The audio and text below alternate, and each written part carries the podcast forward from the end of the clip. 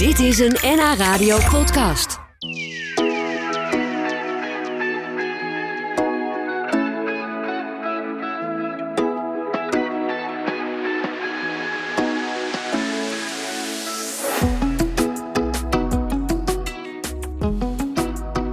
Nederland. Ze won de quiz vorig jaar. Ze stond toen ook met haar eerste solovoorstelling in het theater, Extase. En nu heeft ze ook nog een boek geschreven. Bang is de titel. En daarom beschrijft ze hoe ze met vallen en opstaan gekomen is waar ze nu is. En dat er toch ook altijd nog wel wat te lachen valt, zelfs met een depressie of een angststoornis. Lisa, wat fijn dat je bij ons bent vandaag. Ja, heel blij hier te zijn. Ja. Hey, word jij op straat ook altijd nog aangesproken op jouw eh, slimste mens zijn? Uh, nou, ik denk dat een van de, de, ik woon in Amsterdam en een van de dingen van in Amsterdam wonen is dat mensen niet echt snel onder de indruk zijn van Nee. je. Dus eh, dat Nee. is al een beetje voorbij. Eh. Ik word soms nog wel aangesproken of ik op de foto wil met iemand of eh, dat soort dingen. Maar het is niet dat ik de hele dag met mensen over de slimste mens praat. meer. Nee, oké, goed. Nou nee, het, het staat wel heel uitgebreid beschreven ook in jouw boek. Zeker. Waarom je graag mee wilde doen en ook hoe ongelooflijk spannend het was. Omdat jij zelf een soort paniekaanval kreeg terwijl je ja, daar zat. En Ja. eh, nou ja, daar gaat ook eigenlijk een beetje jouw boek over. Daar gaan we straks uitgebreid over praten.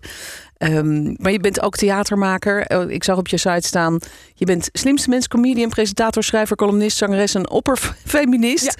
Dat is best wel veel. Zeker. Ja, ben je ook heel druk dan in je hele leven? Eh, nou, ik, ik heb het, het- de mazzel dat ik veel werk mag doen, laat ik het zo zeggen. Want ik ben natuurlijk ook freelancer, dus in die zin is het altijd wel weer spannend. Ja, En ik heb voor nu dan theater even eh, stop, stopgezet. Ik ga gewoon dit jaar geen voorstelling spelen. Voordat Oh. het allemaal heel dramatisch klinkt. Omdat ik eh, me meer op tv aan het focussen ben. Ehm Ja, want je presenteert ook een programma, maar dat is niet in Nederland te zien, geloof ik. Een soort... jawel, Oh, het is op een streamer op, HBO Max. Ja, het. precies. Ja. Niet op de Nederlandse tv, Nee, maar op een. eh, ja, en wat is dat voor een, voor een het programma? is Een soort- komische datingshow. Het heet F-Boy Island. Oh. Eh, en het staat er nu helemaal op. Dus ja, dat is natuurlijk anders bij streamers dan bij, eh, bij Ja. de omroep of zo. Het staat dan in één keer er helemaal op. Ik kan lekker bingen. Zeker. Ja, heb je het zelf ook helemaal teruggekeken? Ja, al? ja, ik mocht het al eerder zien, ook voor e- interviews en om het erover te kunnen hebben. En nou, ik heb er echt naar gekeken alsof ik er niet zelf bij was geweest. Ik vond het echt smullen geblazen. Ja, zeker. Oh, dat klinkt heel goed. goed nou, we, we praten straks uitgebreid verder ook over jouw boek. En even voor de duidelijkheid, in jouw boek staat dat het heel nadrukkelijk dat het een roman is. Mhm. Maar het is dan toch wel, denk ik, een heel autobiografische roman, toch? Het gaat wel echt over jouw ervaringen. Ja, het is precies dat, een autobiografische roman. Maar het is wel als een roman geschreven. Dus het is absoluut geen zelfhulpboek. Eh, in de tijd dat het met mij heel slecht ging, had ik alle zelfhulpboeken van, eh, van Nederland, denk ik, in huis. Eh, ik ga je niet zeggen hoe je het moet doen of hoe je er vanaf komt. Want je moet, ik raad iedereen aan naar een arts te gaan als het niet goed gaat. Maar ik laat wel aan mijn eigen levensloop zien ja, hoe het bij mij is geweest. En hoe zo'n angststoornis kan ontstaan in een depressie. En, en wat dat met je doet. Ja, dat is nogal heftig geweest. Je begint eh, je boek met je schooltijd. Je was een eh, vrolijk meisje wat graag eh, zong en theater maakte. En je kwam op een school bij een juf Maxime. Mhm. Dat liep niet zo fijn. Wat voor juf was dat? Eh, ik denk een juf die de klas niet helemaal aankon. Ehm, want zij, eh, ja, nou ja, goed. In ieder geval een juf die een enorme hekel aan mij had. Dat kan ik wel stellen. Ik weet niet zo goed waar dat vandaan kwam. Want ik was zeven en zij was vijftig. Dus ja, hoe, wat kan je als zevenjarige nou echt verkeerd doen? Maar ehm, ja, zij, eh, zij gaf mij straf als ik eigenlijk niks fout had gedaan. Je werd zelfs opgesloten. Ik ben een keer opgesloten in het lokaal tijdens de grote pauze. Ja, en eh, toen had ik denk ik mijn eerste paniekaanval ooit als zevenjarig meisje. Want ik was helemaal bang dat ik daarvoor altijd zou blijven. Of dat ik iets verkeerds had gedaan. Dat mijn ouders me niet meer zouden komen halen. Oh. Eh, dat is natuurlijk allemaal achteraf redeneren. In het moment zelf weet je niet wat het is. Nee, maar je, je was gewoon heel bang. En Ja. je voelde je heel onveilig. Dat. En eh, nou ja, het meest sprekende moment wat ik me herinner is toch dat er uitgedeeld werd in de klas. En eh, met, een, met een tractatie, iemand was jarig. En dat iedereen in de klas die tractatie kreeg. En dat ze bij mij de tractatie wegpakte. En zei: Ja, jij, jij hebt iets fout gedaan, jij krijgt hem niet. Ah, En dan ben je vreselijk. zeven en dan is dat Ja. echt het einde van de wereld. Ja, en al die kinderen lekker dat Ja. ding opeten en jij daar niks hebben. Ja. Walgelijk. En, en de andere kinderen in de klas, die pesten jou ook. Je werd eigenlijk op die school echt verschrikkelijk gepest. ja, Ja, en toen ging je naar een andere school. toen werd ik daar ook gepest. En toen werd je, ja, Ja. het begon allemaal heel fijn. Je dacht eerst van, nou, ik ben helemaal op de goede plek gekomen. En toen ging ook dat mis. Want daar had je eigenlijk ook toch, vond ik, een best een hele rare juf... die jou op een gegeven moment een zangverbod oplegde. Ja, Waarom was dat nou? Je kon gewoon mooi zingen. Je zong graag. Leuk Ja. voor een kind van eh acht, negen. ja, ja. Ja.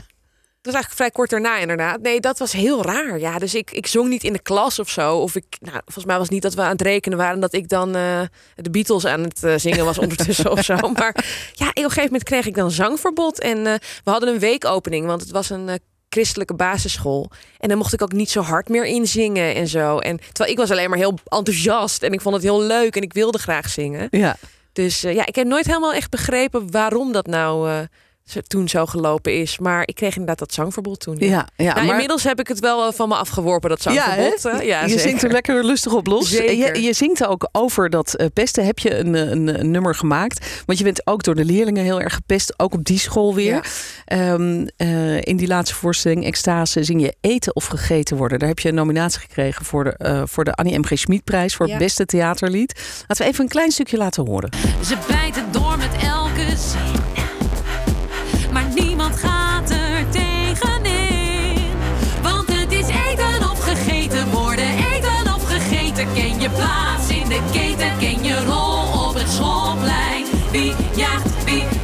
wie deinst terug. En wie staat op tegen die jongen die steeds het hardste blaft? Ben je laf, dan ben je af, dat is je straf. Want het is eten of gegeten worden op het schoolplein.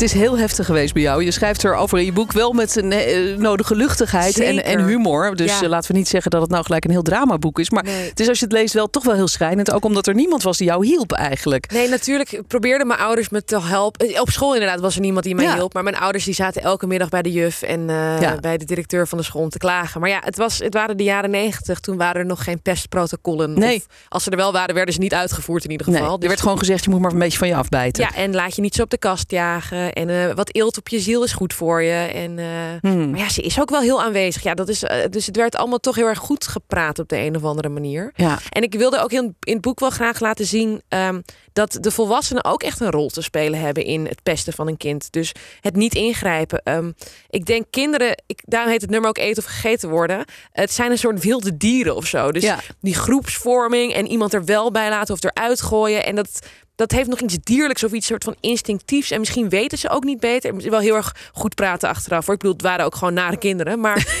maar de, de volwassenen... Ja, maar het roedelgedrag uh, ja, zou doorbroken precies. moeten worden eigenlijk. En de volwassenen hebben daar toch echt een rol in te spelen. Want die weten wel beter. En ja. uh, nou, ik hoop dat het nu uh, anders is. Ja, krijg je ook veel reacties op jouw boeken eigenlijk. Ja, van mensen die vroeger ook gepest zijn. Want het is denk ik voor veel mensen wel herkenbaar. Misschien niet in de hevigheid die jij beschrijft. Maar ik denk dat wel veel mensen wel eens gepest zijn. Of misschien wel langdurig. Nee, ik heb echt super veel uh, berichten mogen ontvangen van mensen die, uh, ja, die be bedanken voor het boek. Wat gewoon heel bijzonder oh. is. Zo lief. En uh, het is natuurlijk een super persoonlijk verhaal wat ik heb opgeschreven. Maar op de een of andere manier herkennen heel veel mensen het. En dat maakt voor mij ook dat ik me dan weer meer ja, gezien voel. En, en minder eenzaam in wat ik zelf heb meegemaakt. Ja.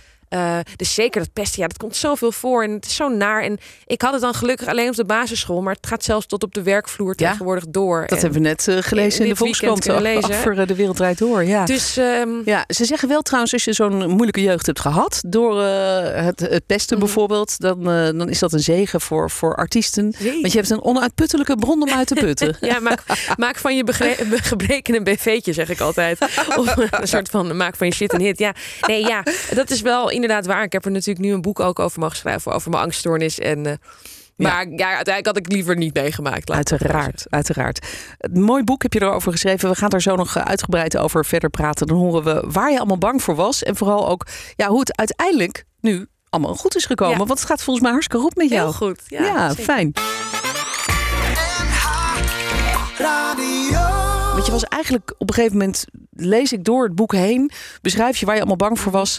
Nou, eigenlijk voor alles. Hè? Uh, bang om mensen te bellen, bang om over te geven, bang om flauw te vallen, bang om een hartaanval te hebben. Uh, had je eigenlijk een soort constant paniekgevoel? Of, of kwam het op en ging het weer weg? Uh, nou, op de, echt mijn, diepste dieptepunt, dat was in 2017. Toen, toen heb ik ook de diagnose angststoornis gekregen, omdat ik, nou, dat staat allemaal in het boek, maar eigenlijk al een jaar met vage klachten rondliep. En het werd steeds erger en erger. Nou, en toen bleek ik dus een depressie en een angststoornis te hebben. Ja. Dus je dacht eerst... nog even een burn-out, ja, toch? dat dacht ook de psycholoog. Maar ja. dat was, uh, ja, dat wordt al snel gedacht, denk ik, als je een ambitieuze jonge vrouw bent. Uh, ja. en, en niks, uh, ik, weet, ik, ik heb zelfs geen burn-out gehad. En ik weet ook niet precies wat het is en wat het inhoudt. Maar ik werd daarvoor behandeld, waardoor eigenlijk mijn klachten alleen maar erger werden. Want ik had geen burn-out. Ik had een depressie en een angststoornis. Ja. Ehm, nou, en op dat moment was wel die lijst die je opnoemt constant aanwezig. En ging ik van paniekaanval naar paniekaanval. En had ik ook last van dissociatie, dat ik niet helemaal wist of dingen echt waren of niet. Ehm, werd ik bang eigenlijk voor mijn eigen hoofd ook, omdat ik bang was om gek te worden. Ja. Dus eh, ik kon niet naar de hoek van de straat lopen zonder flauw te vallen. En ik, en ik ging van iemand die te- op, in theater stond, door het hele land toerde. Ja. En gewoon een, een vol leven had. Ja, want eigenlijk was dat, dat beschrijf je ook zo mooi in het boek. Je, ja, je, bent, je hebt een vreselijk moeilijke jeugd gehad door dat gepest Ja. op school. Eh, toch heb je daar eh, aan ontworsteld. En je bent opleidingen gaan doen voor, voor zang en theater. Je, je, bent, je hebt een theaterduo gevormd Ja. waar je volle zalen mee trok. Dus dat ging eigenlijk hartstikke goed.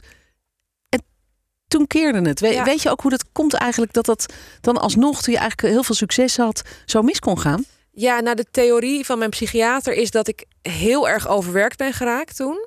En vooral heel erg op emotioneel vlak eh, overwerkt ben geraakt. Want het is niet zo dat ik... Ik werk nu ook heel hard en ik hou van mijn werk... en ik doe allemaal hele toffe dingen. Maar de emotionele kant daarvan... dus mijn samenwerking liep niet lekker meer. Eh, de druk van ik voel me eigenlijk niet goed... maar er staat een première in een uitverkochte kleine komedie... en die moet ik wel halen. Ehm, als cabaretier doe je alles zelf. Dus je maakt zelf de voorstelling, doet de productie... regelt de mensen, eh, doet de PR, dat soort dingen... Dus dat was zoveel en het werd steeds lastiger tussen mij en mijn partner, mijn cabaretpartner. En nou goed, die veelheid van dingen eh, heeft dat bij mij getriggerd. Dat is, ehm, Ja. dat is het idee. Maar ik had wel mijn eerste paniekaanvallen al eh, zes jaar daarvoor. Ja, ja. Dus toen begon Ja. het al een beetje. En dat was getriggerd omdat mijn vader op een gegeven moment heel ziek werd. Die eh, kreeg een hersentumor. Oh, dat is niet handig dit. Hij. Mij niet Nee. bellen. Sorry, excuses. Eh, sorry pap, nee. Ehm, eh, die, eh, ehm, dus die had een hersentumor gehad en dat was ook heel naar. En had ik een soort trauma aan overgehouden, waardoor ik die paniekaanvallen kreeg.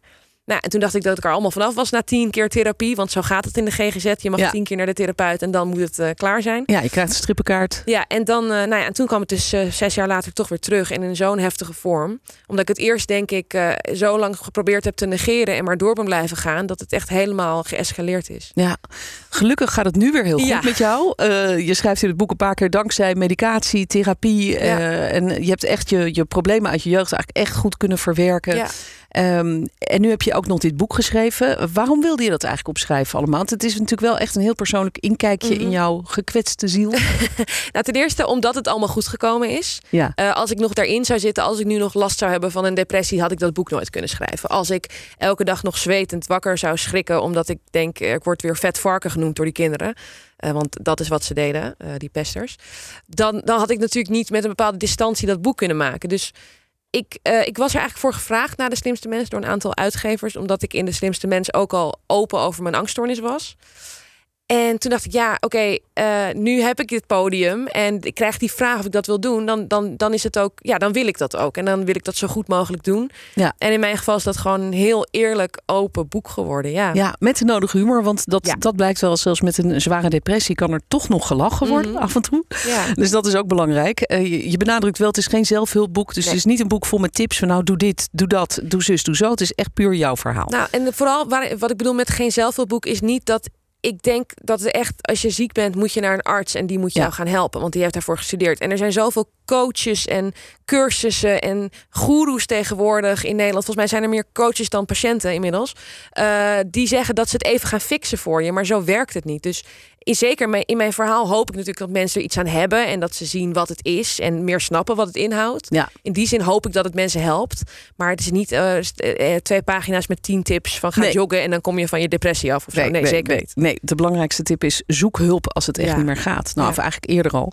Eh, Ja. ja. En ook dat is soms moeilijk natuurlijk als je Tuurlijk, al zo ja. slecht eraan toe bent eh, om hulp te zoeken. En ik heb ook zoveel voorrechten wat dat betreft dat ik ouders heb die me heel erg steunen. Een, een mijn man, eh, mensen die ook echt voor me opgekomen zijn in die periode dat het zo slecht ging. Ja, Ja, dat is mooi. Ja, En eh, fijn dat je hier was, Lisa. nou, heel graag gedaan.